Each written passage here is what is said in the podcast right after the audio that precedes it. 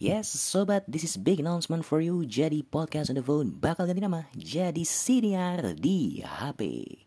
Nama baru, konten baru, dan juga pastinya lebih segar. Makanya biar gak penasaran langsung aja denger kita secara eksklusif cuma di Spotify.